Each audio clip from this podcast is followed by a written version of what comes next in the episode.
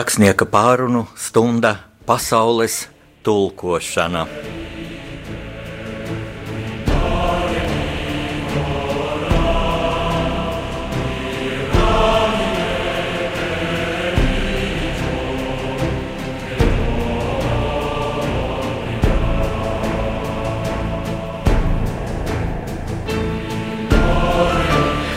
Lai top slavēts Jēzus Kristus. Kopā ar jums atkal Jānis Udris, vēsturisku romānu autors. Atkal divas nedēļas pagājušas, runājot plašāk, atkal pagājusi vasara, taču es joprojām kavējos skaistajās atmiņās par 8. maiju, par ļoti dziļo ar atziņām piesātināto pirmās radio Marija Latvija sezonas izvērtējumu. Un, kā jau es pirms divām nedēļām teicu, es esmu ļoti mm, pārsteigts, pateicīgs klausītājiem par tādu lielu uzticības kredītu, dodot rakstnieku pārunu stundai mm, augstu vērtējumu pēc ballēm. Man tas mazliet pat biedē, jo atceroties neseno olimpisko, olimpisko mm, sēriju, divas olimpiādas Rio de Janeiro. Mēs redzējām, kā tas ir, ja ir uzlikta sportistam ļoti augsta latiņa. Tad ir jau ļoti grūti to noturēt un pārspēt. Kaut tas ir jau tā latiņa ļoti augsta un pat par sevi liels sasniegums. Tomēr es ceru ar jūsu palīdzību, ar jūsu ieteikumiem, padomiem, jautājumiem, ar jūsu kritiku. Es ceru, šo latiņu mēs visi kopā noturēsim, un mūsu pārunu stundas būs vēl, vēl e, dziļākas, dodot gan jums, gan arī man. Jo man ir ļoti svarīgi just atgriezenisko saiti no jums. E, ja ir kādi jautājumi, kādi iebildumi, tad es domāju, ļoti ērta saziņas forma ir sūtīt pa telefonu SMS mm, Daudz to nezina. Tas angļu tulkojumā nozīmē small message system, tātad īso ziņojumu sistēma. Uz telefona 266, 77, 272, 266, 77, 272. Vai, ja ir kādi plašāki jautājumi, tad esiet tik laipni un rakstiet pa elektronisko pastu uz adresi studija at rml.lv. Tātad studija at un saīsināt rādījumu arī Latvija RML. un Latvijas valsts LV. E, Man e, šajās divās nedēļās, kopš mums iepriekšējās tikšanās, atkal nācās uzklausīt daudzas vēlmes, ko lai es pastāstu, pasaku, dziļāk izvērtēju, prognozēju, dodu spriedumus, ieteikumus. Eh, par lielajiem starptautiskiem notikumiem, kas ir bijuši šajā vasarā. Un tad es tā izdalīju, uh, ir trīs. Manuprāt, ļoti fundamentāli notikumi bijuši, kas tā vai citādi ļoti būtiski skar, iespaido Latviju. Eh, kā pirmo, arī, arī pēc kalendāra, tas bija mm, referendums Anglijā par izstāšanos no Eiropas Savienības, ko Angļi nosauc par Brexit, un arī mēs ļoti citīgi uh, runājam līdz Brexit. Lai gan man tas nevisai patīk, ka mēs savu valodu nu piesārņojam ar tādiem mm, svešiem terminiem. Angļiem tas ļoti loģiski skan. Mums tas būtu, es domāju, elementāri. Uh, referendums, Angļu referendums, kurā iznākums, kā mēs zinām, bija mm, nu, pārsteidzošs un es atļaušos teikt ļoti bēdīgs gan Angļiem pašiem, gan arī Eh, tāds, kas rada daudzas problēmas, dziļas problēmas visai Eiropas Savienībai, arī mums. Brexit tas nozīmē tātad eh, BR, Brit, British, ja, un exit tas ir izēja, to jūs varat izlasīt. Eh, Rietumu valstīs, angliski runājušajās valstīs, piemēram, kinoteātrī, pie durvīm, pa kurām iet ārā, vai veikalā virs izējas. Lūk, ehm, mm, šis referendums. Otrā problēma ir bēgļi, kas joprojām turpinās, un ar šiem bēgļiem, diemžēl, ir jāsaist ļoti tieši arī briesmīgie terora akti, kas bija Nicā un vēl kur, kas tādā pilnīgi nu, makabrā, um, briesmīgā formā mm, papildināja šo līdz, līdz šim zināmo teroristu arsenālu, kad džihādisti uzspridzinās, apkarās ar, ar, ar spridzekļiem un paši sevi uzspridzina un, un tā tad aizrauja sev līdzi nevainīgus cilvēkus, kas ir briesmīgi.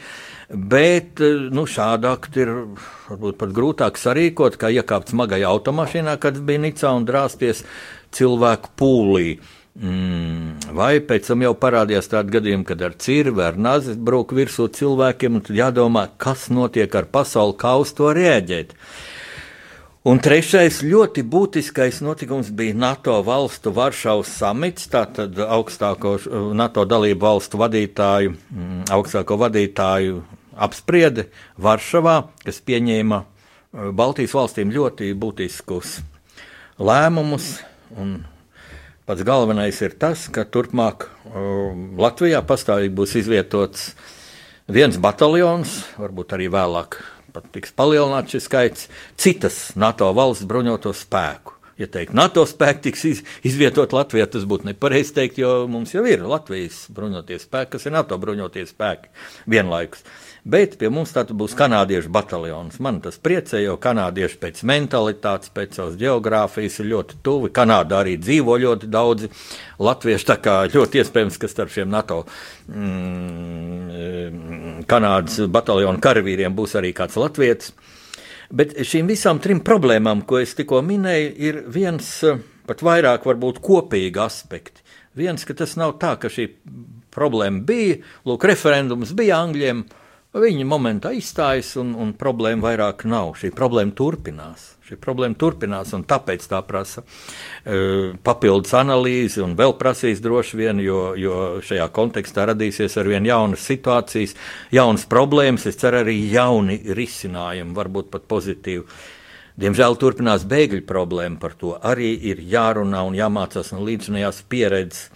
Un NATO Varšavas samits, lūk, šis ļoti pozitīvais lēmums, kas noteikti stiprinās Latvijas drošību, un ir demagoģija teikt, ka būs otrādāk, ja šeit būs NATO spēki, tad uh, citu valstu NATO spēki, tad, tad lūk, mēs kļūsim par mērķi Krievijas agresīviem tīkojumiem. Tā ir tāda ļoti aplama, mm, es atļaušos teikt, politiska spekulācija, kāds man var nepiekrist, bet, nu, vēsture rāda, ka šeit nebūtu NATO spēku, un ja mēs nebūtu NATO dalību valsts, tad ļoti iespējams, ka mums jau, mums jau tagad būtu piemeklējis Ukrainas liktenis gan kā Krimā, pēc Krimas scenārija, gan pēc šī Doņetskas scenārija. Dīvainā kārtā šīs trīs problēmas ir ļoti cieši saistītas, īpaši jau referendums Anglijā ar bēgļu jautājumu, jo viens no argumentiem par izstāšanos no Eiropas Savienības bija tas, ka Anglija burtiski smog zem imigrantu mm, nastas. Tā jau ir sena tradīcija. Es pirmo reizi biju Anglijā, pū, ja es atceros, bail, bail pat atcerēties, cik sen tas bija. Manuprāt, 81. gadā, kad daudz mūsu radījuma arī Latvijas klausītāji vēl nebija dzimuši. Jā, tas bija padomu savienības laikā, tā bija kāda žurnālistu delegācija. Un tad jau man pārsteidza, cik daudz tur ir citautiešu, mm, krāsainu cilvēku. Jo bija ļoti viegli iebraukt Lielbritānijā no tās augtajām Britu sadraudzības valstīm, kas kādreiz bija Anglijas kolonijas, domīnijas, Eģipte, Indija. Uh, ļoti daudz eģiptiešu bija viesnīcā, tur praktiski viss apkalpojušais personāls bija afrikāņi visvairāk. Eģiptieši. E, bet e, par šo referendumu mm, tas bija viens no izstāšanās mm, aģitētāju argumentiem. Lūk, šeit daudz iebraucēji. Vai tādā veidā Briti varēs atrisināt problēmu, nu, mēs paskatīsimies, bet mani mm, ļoti satrauc tas, cik faktiski nenopelnīt nopietni e, Lielbritānijas nācija piegāja šim referendumam, to viņi paši tagad atzīst sarunās. Mm. Un cik daudz e, subjektīvu faktoru bija, kas iespaidoja šo Brexit rezultātu, un tagad Angļi paši ir pārsteigti par to, kā Vai tas bija tā nopietni? Viņi tā kā domājuši, tā tāda sabiedrības aptauja, nu tā kā pirms kaut kādām futbola spēles, kad slēdz derības, vai tur vinnais mūcija, vai, vai viesu komanda un tam līdzīgi. Un vai tā jāstājas ārā, ja tā nobalsoja? Un pavisam nopietni arī ir, ir ļoti daudz mm, cilvēku par to, ka vajag vēl vienu referendumu, ka tad rezultāts būtu savādāks. Es domāju, te ir eh, tas eh, racionālais moments, kas mums ir jāizdara, ka, ja ir šāda situācija, šāds nācijai tik svarīgs jautājums, tad tam jāpietur maksimālu atbildību. Un lūk, par to liecina fakti. Mm, kad eh, Anglijā ir 46 miljoni balstiesīgu pavalstnieku. Ja? Nevis pilsoņi, bet pavalstnieki. Ja Anglija ir monarhija, tad tie ir pavalstnieki viņas majestātes karalienes pavalstnieki. 46 miljoni. Un no viņiem tā noapaļojot, e, apmēram 17 miljoni balsoja par izstāšanos. Tā apmēram trešā daļa. Nu, un apmēram 16 miljoni par palikšanu Eiropas Savienībā. Starpība nav īpaši liela. Un vēl paliek 13 miljoni, kas negāja balsot. Un šeit ir tāds ļoti būtisks moments manā pārliecībā būtisks. Padomājiet paši. Tie, kas gribēja izstāties, tātad graut kaut ko pastāvošu, pastāvošo vērtību sistēmu, Lielbritānija kā Eiropas Savienības dalību valsts, un ne jau vienu gadu, tomēr diezgan ilgi. Kaut Lielbritānija nebija no Eiropas Savienības dibinātāju valstīm, iestājās vēlāk, un arī ar lielām diskusijām, ar lielām pretenzijām, druskuļi apgrūtinot visus pārējos, jo Britiem bija šis. Nu, mm, impērijas sindroms. Kādreiz Lielbritānija bija impērija, kurā nekad nenoriet saule. Uh, bija tātad Indija, Angļiem un Eģipte un, un vēl, vēl, vēl daudz citas valsts un Ķīna. Un, Un paši angļi man ir teikuši, ka viņiem pat tajos laikos, kad vēl uh, satiksme ar Eiropu tika uzturēta ar buriniekiem pār Lamanšam, tad angļi teica tā, Tā, kad bija Lamanšā vētra un burinieki nevarēja mm, peldēt, e, tad teica nabaga Eiropa. Kā viņi tagad tur tā nabaga Eiropa dzīvo atgriezt no Lielbritānijas? Kā viņi iztiek bez mums, bez Britiem? Nu, tas tāds joks, bet katrā jokā ir kāda daļa patiesības. Un tagad pēkšņi lūk, gribēja šo sistēmu graut, un tas ļoti daudziem arī patika. Kāda tur Eiropas Savienība, kāda tur Brisele, kāpēc Eiropas Savienības centrs nav Londonā un tā tālāk. Un tā tālāk tādi ļoti populistiski momenti. Mm, ļoti mm, tā politiski, faktiski neglīt arī toreizējais Britu premjerministrs Kamerons šo kampaņu, šo referendumu ierosināja, lai savu reitingu celtu. Un vispār man liekas, ja kāds ir, ir starptautiskajā politikā, Eiropas politikā nodarījis ļaunumu, un ja sāk salīdzināt, kurš lielāku, tad laikam Kameronam piederētu viena no vadošajām pozīcijām, jo viņš arī, ja paskatāmies atpakaļ vēsturē, ko mēs diemžēl pārāk reti darām, tad arī tas ir ka Lībijā tika sagrauts šis um, Mamar Kadafī režīms. Jā, jā, tas bija diktatorisks un tāds, bet piedodiet, tā bija lībiešu tomēr iekšējā lieta un nevar ar varu uzspiest demokrātiju. Vai tad tagad ir demokrātija, tagad tur ir hauss un bēgļu tūkstoši un simtiem bēgļu tūkstoši pārvidas jūrā uz Eiropu. Un šis pats Kadafī kādreiz teica, jūs padomājiet, mēs esam kā korķis, ja Āfrikai kā pudeles korķis, ja to korķi izraus, tad jūs vēl to nožēlosiet. Politika ir ļoti reāla lieta un var tā teikt, nu, kā būtu, ja būtu. Mēs redzam, tagad, kā būtu, kad ir liela problēma. Nu, un ar Britiem, jā, tie, kas bija par izstāšanos, tie tā tad acīm redzot, visi ļoti pārliecināti gāja un balsoja šie 17 miljoni. Kaut tajās dienās, referenduma dienā, ārkārtīgi līja, bija ļoti vējains, slikts laiks Anglijā. Nu, tie, kas bija pieraduši, mēs jau esam Eiropas Savienībā, pa televīziju ir laba programma. Nu, ko es tur iešu, es palikšu mājā. Tā tad, lūk, 13 miljoni neaizgāja balsot, un viņi tad arī būtībā izšķīra. Ja, 16 miljoni aizgāja, nobalsoja pret izstāšanos. Nu, un summa tāda ir, kā ir. Un es tūlīt pēc šī Brexit uzrakstīju tādu komentāru, mm, ka būtībā tā ir Angļiem lielāka problēma, jo tā varētu būt, tas varētu būt nevis Eiropas saimnības sairuma sākums, jo mm, Angļiem tagad radīsies gan ekonomiskās, gan iekšpolitiskās problēmas, ir jau ļoti smagas. Un citas valsts to redzēs, un es domāju, tomēr eiroskeptiķu rindas varētu mazināties. Varētu mazināties. Bet uh, Anglijā savukārt tāda separātisma tendence noteikti jau pieaug, ir tādi dati un arī pieaugs vēl turpmāk, jo Skoti jau laiku pa laikam spriež, ka tomēr vajadzētu izstāties, un, un īri ļoti par to domā. Ziemeļīrijā, jo, jo turpat blakus ir īrijas republika, kur dzīvo tā pati tauta, kas ir sašķelta. Daļa dzīvo īrijas republikā, daļa Ziemeļīrijā, mēs zinām, ka īrija ļoti sekmīgi attīstās. Nevelti daudz latviešu tur brauc.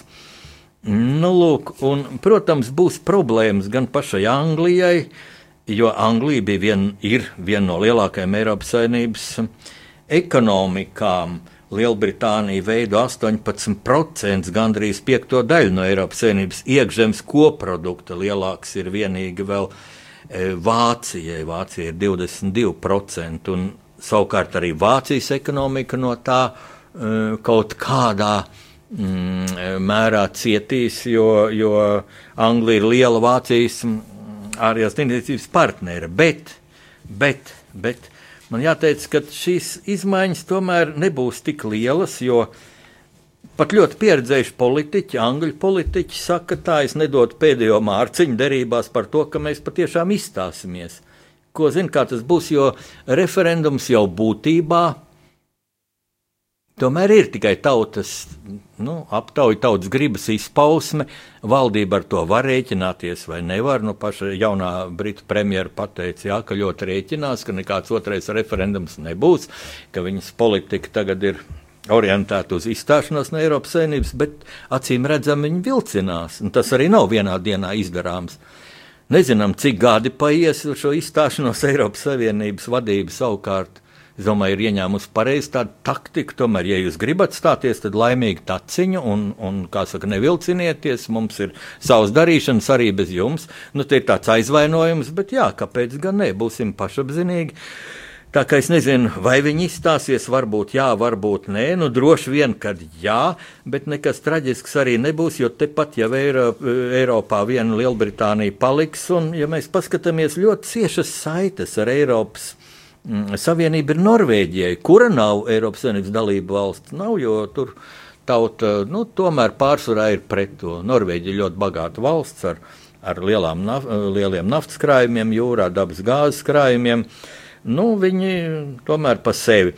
Bet ļoti cementējošs faktors ir NATO. Tas Latvija ir galvenais, jo, mm, kad mēs gatavojamies iestāties Eiropas Savienībā, Latvija Un bija liels arī tāds um, eiro, vietējo eiroskeptiķu spiediens, un kad es diskutēju ar viņiem, tad faktiski galvenais arguments bija tas, ka mūsu drošības faktors NATO un Eiropas Savienība, jo mēs esam ģeopolitiski tādā vietā, ka mēs nevaram palikt neitrāli. Un, ja mēs nebūtu Eiropas Savienībā, tad mēs ātrāk vai vēlāk būtu šajā austrumu, lielās austrumu kaimiņu valsts ietekmē. Nu, tā tas ir. Un interesanti, kādai būtu kādai vajadzētu būt tādai Latvijas pozīcijai? Nu, pirmkārt, ļoti mierīgai, pašapziņīgai, augstasinīgai. Bībelē pestītājs Jēzus Kristus mūs māca neraizējies par rītdienu, rītdienu pati dos savus risinājumus. Nu, tā arī būs, bet, nu, protams, mums jādomā strateģiski, kā tas būs. Nu, tā tad stiprināt savus kontaktus, savas pozīcijas NATO aliansē pirmkārt. Uh, sākt jau pēc pāris gadiem maksāt tos 2% no, no, no mm, mūsu iekšzemes koprodukta militārām vajadzībām, ko prasa NATO e, statūti, mm, dot savus, savu līdzdalību NATO kopējās, mm, kopējās programmās, kas no Latvijas neprasa liels upurs, jo Latvija ir skaitliski neliela valsts un pēc iedzīvotāju skaita un armijas, un tā tad vairāk tāda simboliska labās gribas apliecināšana. Bet vēl ļoti interesantu pētījumu par Latvijas vēlamo tādu taktiku mm, Eiropas Savienībā jaunajā situācijā, kad lūk viena liela valsts e, uzsākoša izstāšanās procesu.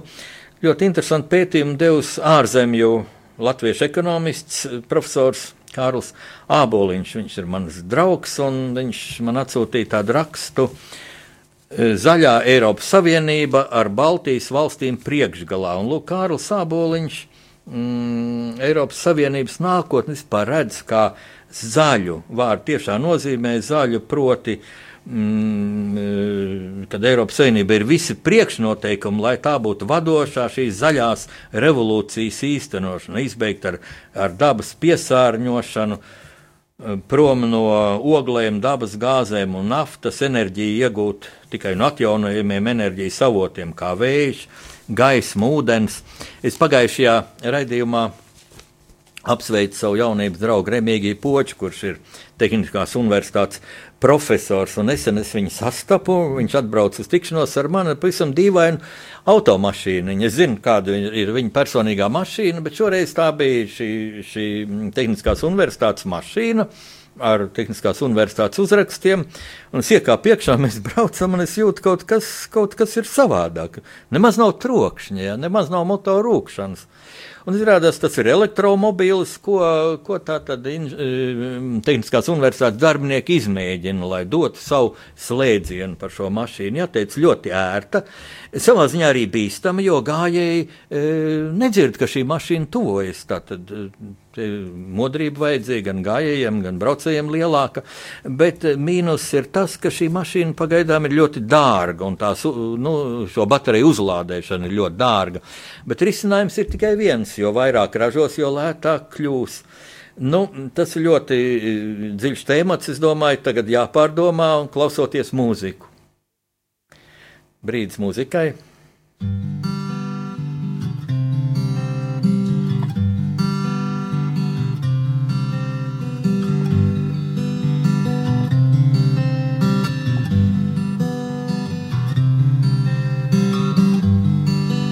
Ja es runātu cilvēku neņģeļu valodos, bet mīlestības man nebūtu, es būtu kā dordūšais svars un kā skanūšais vorguļs, ja man arī būtu pravītošanas dāvana, un es zinotu visus noslēpumus, visas zinības īgiltu.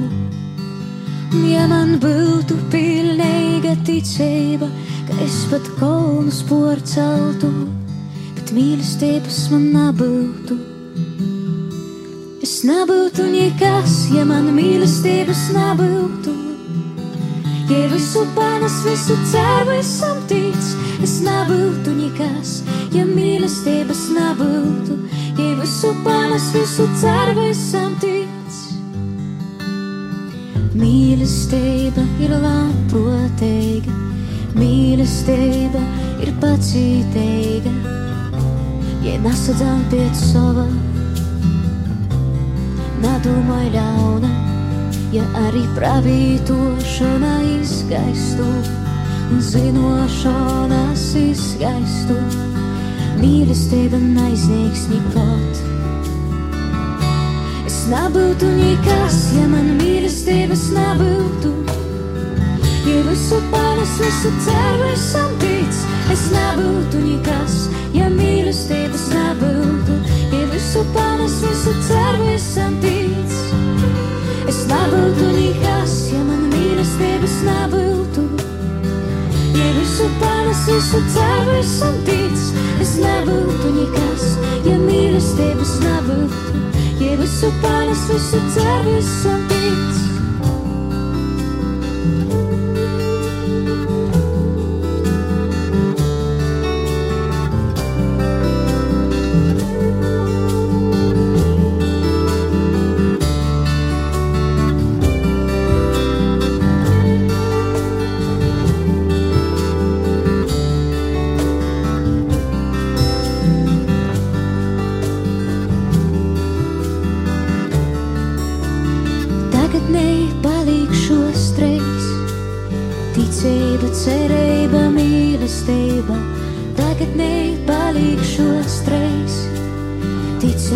cerība, mīlestība, bet nu jām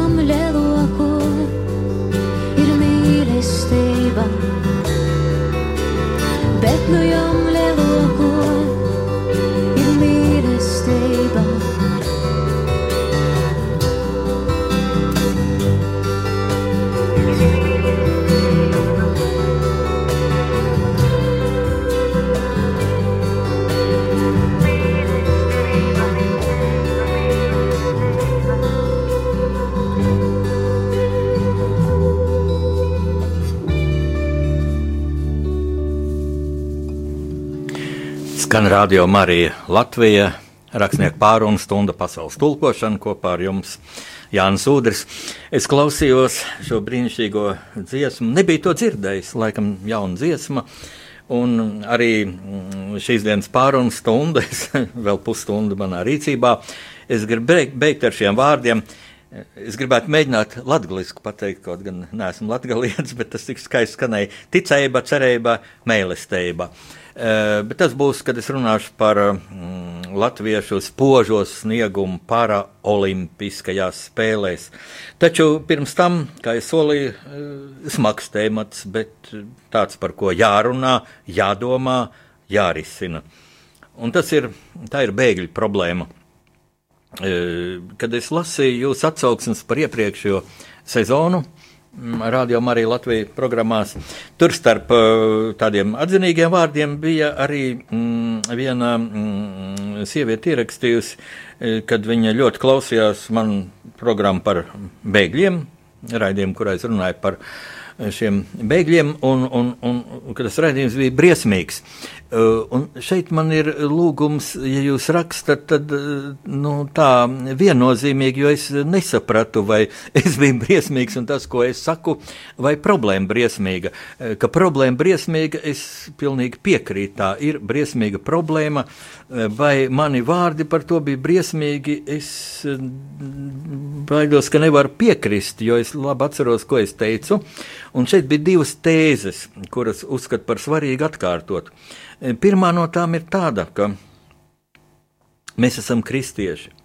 Mums ir noteikti jāpalīdz pašiem, cik varam, un mums ir jāiestājas par palīdzēšanu tiem, kam klājas ļoti slikti, ļoti grūti.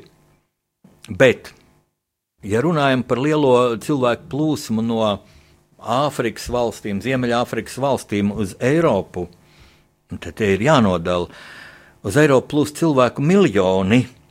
Un jānodala, kāpēc viņi plūst un vai cilvēku, kurš eh, nu, šajās nabadzīgajās Ziemeļāfrikas valstīs, es pats esmu bijis Marokā, tur apmēram trešā daļa iedzīvotāji ir analfabēti, tur ir liels bezdarbs, tur laukus apstrādā reizelīšiem un spīļarkliem kā pirms 1000 un 2000 gadiem. Eh, protams, cilvēki tur dzīvo slikti, bet es eh, nedomāju, ka būtu atbildīga rīcība, eh, tā teikt, brauciet visi šurp, un mēs jūs visus pabarosim, jo Marokā es redzēju arī uzņēmīgus čaklus cilvēkus, kuri tomēr tiek pie pārticības un, un pat mācās un cenšas dzīvē. Diemžēl, diemžēl, salīdzinot šīs tautas mentalitāti ar mūsu mentalitāti, ir jārunā ļoti godīga valoda. Nu, tur es redzēju daudz slinkus cilvēkus, daudz blēžus, man paši tur apzagu uz ielas. Tā ir cita mentalitāte, man tā, tā, tāda Mm, atziņa radās, kad viņi ārzemnieki, īpaši Eiropieti, īpaši kristieti, apkrāpt, apzakt, uzskata gandrīz par goda lietu. Man tur nozaga fotoaparāts, aizgājis policija. Nu, tas man atgādināja ļoti padomju savienības laikus, ja kāda ārzemnieka pie mums apzaga, tad milicijas galvenā, galvenā interese bija, lai tas neiekļūtu papīros. Man tur paprasīja, mm, vai jūs redzējāt, ka jums zog? Es teicu, nu kā, ja es būtu redzējis, tad taču es viņu būtu ķēris ciet un, un nebūtu ļāvis nozagt un būtu vedis viņus policiju. Nu, bet kā jūs varat teikt, ka jums nozaga, ja, ja, ja jūs neredzējāt, ka nozog bija kabatā un pēkšņi nav kabatā? Nu, Un uh, policisti, detektīvi tur jau bija atnākuši tādi, kas teica, jā, jā, mēs tūlīt atradīsim, mēs zinām, kā to darīt, mēs zinām visus šos bandu vadoņus un vietas, kur viņi tirgo tās mantas, un mums ir ziņotāji un viss, kas mums ir. E, tikai mums vajag, lai priekšnieks dod rīkojumu. Mums rīt ar to nodarboties, un rīt vakarā mēs jums aparātu atnesīsim. Uh, Nu, lūk, un, un tad viņi teica, jā, nu, mierīgi jūs acīm redzot no attāluma, nohipnotizēja tā, nu, no attāluma var iedarboties ar cilvēku domām. Diemžēl tā ir tāda melnā maģija, kas stipri izplatīta Āfrikā. Nu, tāda grēcīga lieta, bet ar to ir jārēķinās. Žēl, ka mūsu turisma firmas nebrīdina par to. Nu, tagad, ja mēs skatāmies, no kurienes nāk šie džihādisti, šie teroristi, liela daļa nāk no Marokas. Nu, tas tāds viens piemērs, jo no Marokas kāds um, brauc šurp, uzdodas par bēgli, piedodiet, nu Marokā nav karš, viņam neviens neapdraud dzīvību, viņš grib dzīvot labāk. Un tad nu, es domāju, pilnīgi pareizi, ja mūsu valdība tomēr nepiešķir šādiem patvērumu meklētājiem, tie nav vēl bēgļi. Bēgļi tas ir īpašs status, kur uzreiz nemaz tā nepiešķir, apskata visus argumentus. Ne, viņam tomēr nedod mazāku šo pabalstu kā mūsu, mūsu iztiks minimums mūsu valstī, jo valsts pienākums rūpēties par saviem pilsoņiem. Ja? Un mūsu valsts, mūsu tauta ir piedzīvojusi ļoti grūts laiks karā, kad mēs esam devušies bēgļu gaitās tiešām, lai glābtu dzīvību. Un lūk, tad man liekas, kad uh, uz šo situāciju tiešām, ka daļai, daļai cilvēki ir jādodas bēgļu gaitās, glābjot savu dzīvību. Es domāju par sīriešiem, pirmkārt par Sīrijas kristiešiem, kurus vajā no vairākām pusēm, gan ticības dēļ, gan kārdarbības rezultātā vispār. Um, un kad izmantojot šo situāciju, gluži vienkārši blēdās un grib iekļūt uh, um, Eiropā, pārtikušajās, pārtikušajās Eiropas valstīs, kur ir labāka dzīve. Nu, piedodiet, mēs visai pasaulē labāku dzīvi nevaram nodrošināt, un vai tas ir mūsu pienākums dāvāt kādam labāku, pārtikušāku dzīvi? Tas tomēr ir jānopelna. Un ja vienkārši šie cilvēki brauks no savām valstīm prom, citur, kur ir treknāk, treknāk sviesta kārta uz maizes, tad viņa valsts arī mūžam dzīvos nabadzībā un tumsonībā. Es to esmu redzējis arī Indijā, kur, kur nu, piedodiet, ja pie mums saka, ka cilvēki dzīvo slikti, visi, ka dzīvo slikti. Tad, tad nu, tā ir zaimošana. Pie, tā kā mūsu caurmēr cilvēki dzīvo Indijā, var caurmēr cilvēks tikai sapņot. Jā, pie mums liela iedzīvotāja daļa dzīvo trūkumā. Pirmkārt, vecie cilvēki, pirmkārt, daudz bērnu ģimenes, māmiņas, kurām ir ļoti maz valsts pabalsti. Lūk, tas ir kauns mūsu valdībai, mūsu politiķiem, tas ir steidzami jārisina. Bet es kā rakstnieks esmu ļoti vērojis, kur ir tie lielākie čīkstētāji. Un Ziniet, tie, kam patiešām klājas grūti, es kaut kā neesmu dzirdējis, ka viņi čīkstētu. Viņiem vienkārši nav laika, viņi gudro kā vēl nopelnīt naudu. Jau divās vietās strādā, tur kaut kur par apkopēju, par naktsargu, vēl meklē kādu darba vietu. Ja vecie cilvēki skatās, kur, kur lētāk kaut kādu nocenotu maizīti var nopirkt. Čīks tie, kas dzīvo pa vidam. Un tas ir briesmīgi. Tas ir tāds briesmīgs, es domāju, padomi laika mm, sindroms, čīkstēt, zudīties tā vietā, lai censtos, censtos vairāk, labāk veidot savu dzīvi. Tāpat braukt uz ārzemēm. Ne visiem ir jābrauc uz ārzemēm tādēļ, nu, ka šeit nu, nekāda nevar galus savilkt kopā. Ir tādas situācijas, jā, nu tad lai viens no ģimenes aizbrauc.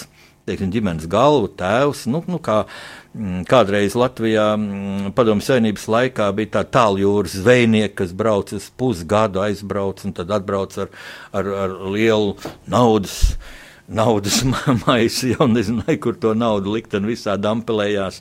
Nu, tagad varētu aizbraukt, pastrādāt un sapelnīt to naudu, atdot parādus, sakārtot savu dzīvi, bet braukt ar visu ģimeni prom, tas ir bezatbildīgi. Tā kā es, tā ir man dziļākā pārliecība, ka mums ir tiešām jāprot, jācenšas atdalīt reālos bēgļus, kam draud dzīvības briesmas, un tiem jā, jāpalīdz. Tas ir mūsu kristiešu pienākums. Tagad daudz uh, presē varat lasīt, ka bija dots patvērums 23 cilvēkiem, no tiem laikam 21 jau aizbrauca uz Vāciju prom. Bet, kad es skatījos, kas tie cilvēki ir, tur bija kāds viesnīcas administrators, kāds drēbnieks, un, Un, kad skatījos intervijas ar viņiem, nu neviens patiešām neizskatījās tāds, kas būtu atbraukts, nu, lai glābtu savu dzīvību. Tie visi bija cilvēki, kas grib dzīvē labāk iekārtoties. Nu, atvainojiet, mūs, mums ir jādomā pirmkārt par saviem cilvēkiem, kam klājas grūti. Un es gribu šo, mm, šo problēmu loku šodien beigt ar to, ko teica arhibīskaps Stankēvičs.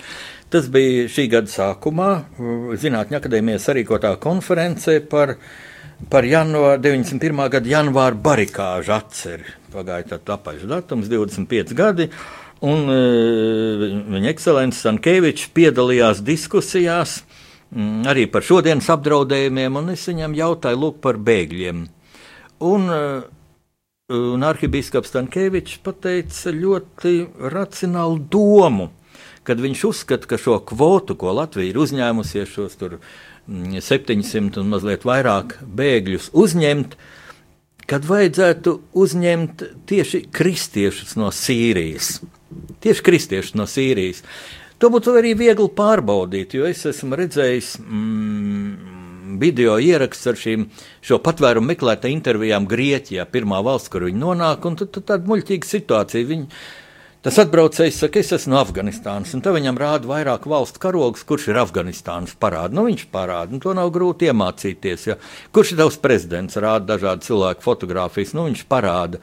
Bet šādās intervijās ar kristieti, ja runātu, protams, vajadzētu valodas speciālistus, bet Mm, ja runāt ar, ar katoli vai protestantu, e, un vienkārši pajautāt, kā tu izproti šo bībeles tēzi vai šo, vai kas tev no bībeles tā vistuvāk sirdī ir, to vairs nevarētu samelot. Ja cilvēks, kam ir kristīgā pārliecība, to jau nevar nospēlēt.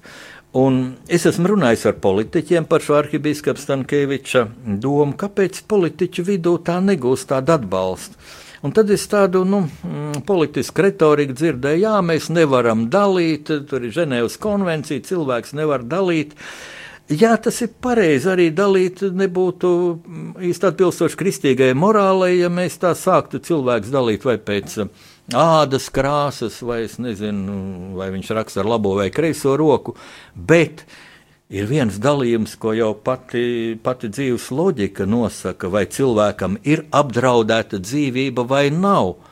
Un tad nu, tas ir obligāt, obligāts pienākums vispirms palīdzēt tiem, kam klājas visgrūtāk, visbīstamāk, un tie šajā gadījumā ir Sīrijas kristieši. Nu, lūk, tas ir tas, ko es gribēju pateikt. Tagad brīdis muzikai atkal kaut būtu tikpat skaista dziesma, kā bija iepriekšējā.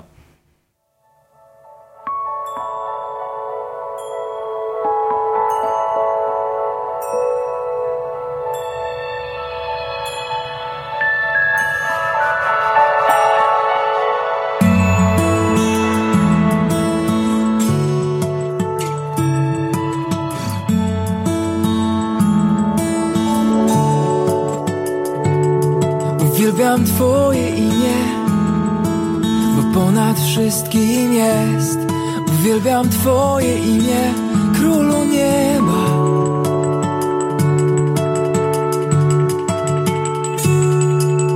Kim jestem ja, że nieba Pan przyszedł, by zbawić mnie? Prawdziwy hołd cześć. Tylko Tobie oddać chcę. Uwielbiam Twoje imię Bo ponad wszystkim jest. Uwielbiam Twoje imię Królu Nieba. Uwielbiam Twoje imię Bo ponad wszystkim jest. Uwielbiam Twoje imię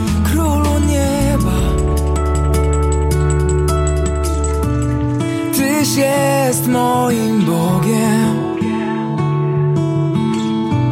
Ty uratowałeś mnie. Położyłeś życie swoje za przyjaciół.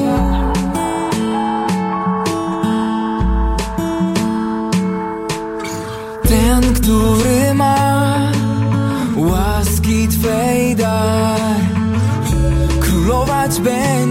Twym. Nie żyję ja, we mnie mój Pan. Stałem się domem Twym. Uwielbiam Twoje imię, bo ponad wszystkim jest. Uwielbiam Twoje imię, Królu Nieba. Uwielbiam Twoje imię, ponad wszystkim jest. Uwielbiam Twoje imię,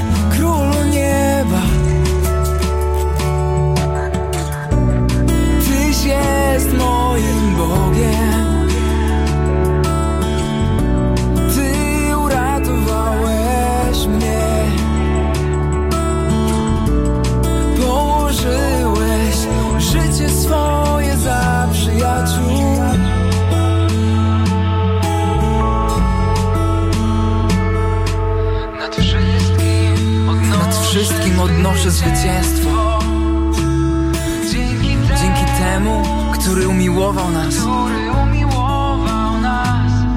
Jeśli On z nami jest, któż przeciwko? Swego Syna, z Nim wszystko podarował nam.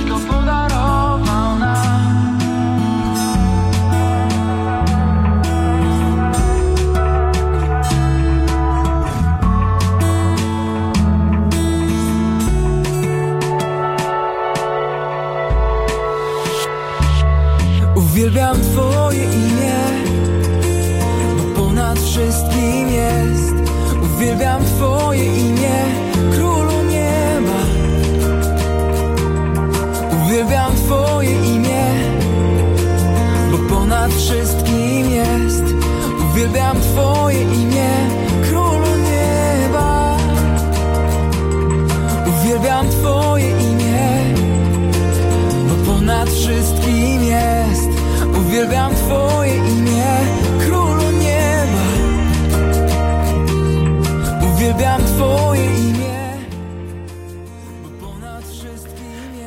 Šeit ir Rādio Marija Latvija. Ar jums kopā vēl desmit minūtes būs rakstnieks Jānis Udris. E, Laika jau ir palicis maz, bet divi temati, kas mani patiešām viens satrauc, otrs aizkustina.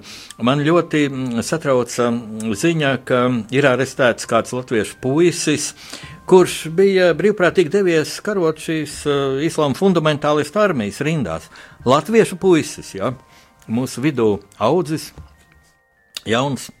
Skolā bija noslēgts, tad viņš internetā sāka sarakstīties ar kādu somu, vienaudu savu, un tad abi pazuduši no, no savām valstīm. Un, Summējot informāciju no Somijas, kur žurnālisti izsakoja šo somu jaunekli un šo mūsu jaunekli, nu, radās ļoti līdzīga aina. Viņi bija noslēgti un tātad savu daudz stundas katru dienu pavadīja internetā.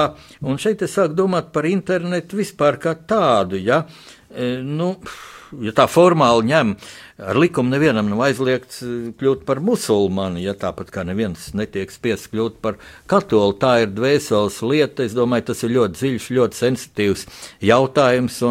Mēs, kristieši, esam ļoti toleranti arī pret citām ticībām. Īpaši man aizkustina ekumeniskā vienotība starp dažādām kristīgajām konfesijām Latvijā, jo es pats arī esmu jau teicis, es esmu Luterānis. Mani iesveitīja Juris Rubens, tepat uh, blakus esošajā Torņkalna baznīcā Rīgas Lutera draudzē. Nu, ja kāds kļūst musulmanis, man ir grūti saprast, kā cilvēks ar latviešu mentalitāti var pieņemt šo ticību, bet tas, tas nebūtu aizliegts, ja mēs būtībā nedrīkstētu to nosodīt vismaz ar likumu kaut kā vienkārši, nu, atzīšos, es to nesaprotu. Bet šādi, šādi cilvēki ir, dažs labs, bet karot teroristu armijas rindās, uzskatīt to par kādu goda lietu, nu, uh, ziniet, būtu svarīgi izprast, bet bez visas izpratnes, nu, tas ir likuma pārkāpums, un acīm redzot, šim jauneklim būs kāds dzīves, mm, dzīves kādi gadi jāpavada ne tā vairs, kā viņš gribētu, bet tā kā to prasa likums. Skumji, bet nu, tas rāda, cik ļoti atbildīgi mums jāpieiet ir svarīgākiem dzīves jautājumiem. Mm, gan cilvēka dzīvības vērtībai. Tu nedrīksti apdraudēt otru cilvēku dzīvību. Tev ir jāsargā sava dzīvība. Tas attiecas uz mums visiem, jo mums Eiropas Savienības kontekstā ir ļoti slikti rādītāji. Mm, ļoti daudz, procentāli ļoti daudz cilvēku iet bojā joprojām autoavārijas.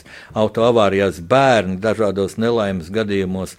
Šovasar divi gadījumi bija, ka puisīši pazuda un pat ne no kādām nelabvēlīgām ģimenēm, bet ļoti kārtīgas mammas. Viena tur uz brīdi mazgāja traukus jau un puisīts mežā, un viņa atrod tikai no rīta 5 km tālāk. Otra sieviete salaspilī runājusi ar citu sievieti, un atkal puisīts pazuda. Un, un nu, paldies Dievam, ka nākamajā dienā, laikam ap pusdienu laiku, viņa atrada dodu sakostu, pārbijušos, izbadējušos puisīti, mazi bērni. Un, ko kas, es esmu dzirdējis tādas uh, komentārus pēc tam, ak, Dievs, mēs augām septiņi bērni, neviens mūs nepieskatīja. Un tad es sāku domāt, ka visa mūsu mentalitāte ļoti iespaidots un internets dzīve kaut kādā virtuālā pasaulē, kur viss ir iespējams, kur nevienam nekas, ne par ko nekas nav, nav nekāda atbildība, nekāds sots, kur ļoti daudz mm, internetā, mm, video klipos, filmās.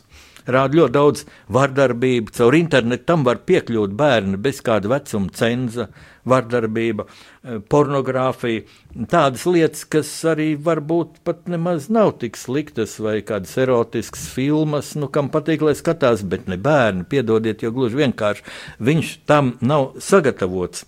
Un vēl ļoti liela nelaime, es domāju, Kā tad bērnu, konkrēti puikas, ja pavada savas brīvās stundas, viņas neredz sētā, viņi sēž pie interneta. Un te nu jāsaka, ka mēs augām tā negāja, bet patiešām tad vēl nebija internets un uh, Un mēs, puikas, garas stundas sētā spēlējām bumbu, basketbolu. Mēs vienkārši no mucas paņēmām vienu stīpu, piesitām pie, pie koka garažas uh, sienas un metām tur bumbu iekšā. Mums bija komandas vai divi pret divi vai viens pret diviem. Un, un, un, un vienkārši tā daudziemies. Un no, no, no, viens no šiem puišiem, maniem uh, bērnības draugiem, arī kļuva par profesionālu sportistu. Viņš ilgus gadus trenēja, trenēja rokas bumbu bumbas eh, komandu, sieviešu komandu. Jā, diemžēl tad viņš ir viņā saulē, bet, eh, bet mēs bijām tādi veselīgāki un no šejienes. Nu, par internetu, ko nu, ne jau mēs viņu izdomājam, ne, ne mēs viņu aizliegsim, lai gan nu, mans viedoklis ļoti subjektīvs, jūs droši vien daudz nepiekritīsiet, bet man ir tāda sajūta, ka mēs pat labāk dzīvot bez interneta kā ar internetu. Un man tā kādreiz saka, jā, bet tu taču arī viņu lieto. Nu, jā, es viņu lietoju, un es savus romānus rakstu uz datora, jo gluži vienkārši tādi ir noteikumi. Citādi no manis neņems pretī manas manuskriptus, jā, bet ne es to izdomāju, jo mēs arvien eh, vairāk zaudējam cilvēciskos kontaktus savā starpā, un mēs jau eh, sarakstāmies ar īsziņām telefonā, ar Mm, ar elektroniskajām vēstulēm, kas ir gramatiski bieži vien nepareizas, ļoti kropļo valodu. Nu, ko te darīt? Ne jau, protams, aizliegt, bet vienkārši padomāsim, vai internets vai šī mm, elektronika ir priekš mums, vai tā jākalpo mums. Vai arī varbūt mēs paši pamazām kļūstam par šo jauno tehnoloģiju kalpiem, un tas nu būtu briesmīgi, jo tas jau būtu ceļš prom no dvēseles dzīves, ceļš prom no kristīgiem principiem. Un vēl dažas minūtes man atlikušas, es gribu tiešām pateikt savu prieku un savu ļoti dziļo gandarījumu par mūsu invalīdu šo patiešām cildeno varonīgo cilvēku ārkārtīgi spožo sniegumu paraolimpiskajā Paralimpiskajās spēlēs Rio de Janeiro. Es tūdaļ pateikšu, ka, kā to vārdu izrunā paralimpiskais. Un, un man ir kauns lasīt, ka parādās paralimpiskais, jo gluži vienkārši vārds olimpiāda ir radies Grieķijā, Olimpijas novadā, kur sākās šīs spēles. Tātad olimpija un nevis limpija. Un para, nu, tas ir no angļu, angļu cilmes vārdu paralēls. Tātad, un, un es nezinu, kur ir loģika šīs paralimpiskās starptautiskās komitejas vadībai, kas, kas uzstāja pasaulē, ka jālieto paralimpiskā olimpiskā, jo, jo nu, viņi neapzinās, ka arī viņu šī kustība sākusies no olimpiskajām tradīcijām, un limp angliski ir vispār klibot, nu, ko tu gribi teikt, kaut kādas paralēlās kli, klibotājas sacensības, tas būtu tas būtu nekorekti, politi nekorekti vai, teiksim, nu, ētiski nekorekti pret, pret, pret cildeniem cilvēkiem, kas pārvarot savu invaliditāti tiešām piedalās šajās spēlēs un uzvar kā latvieši. Un ļoti interesanti, es pirms tam publicēju internetā.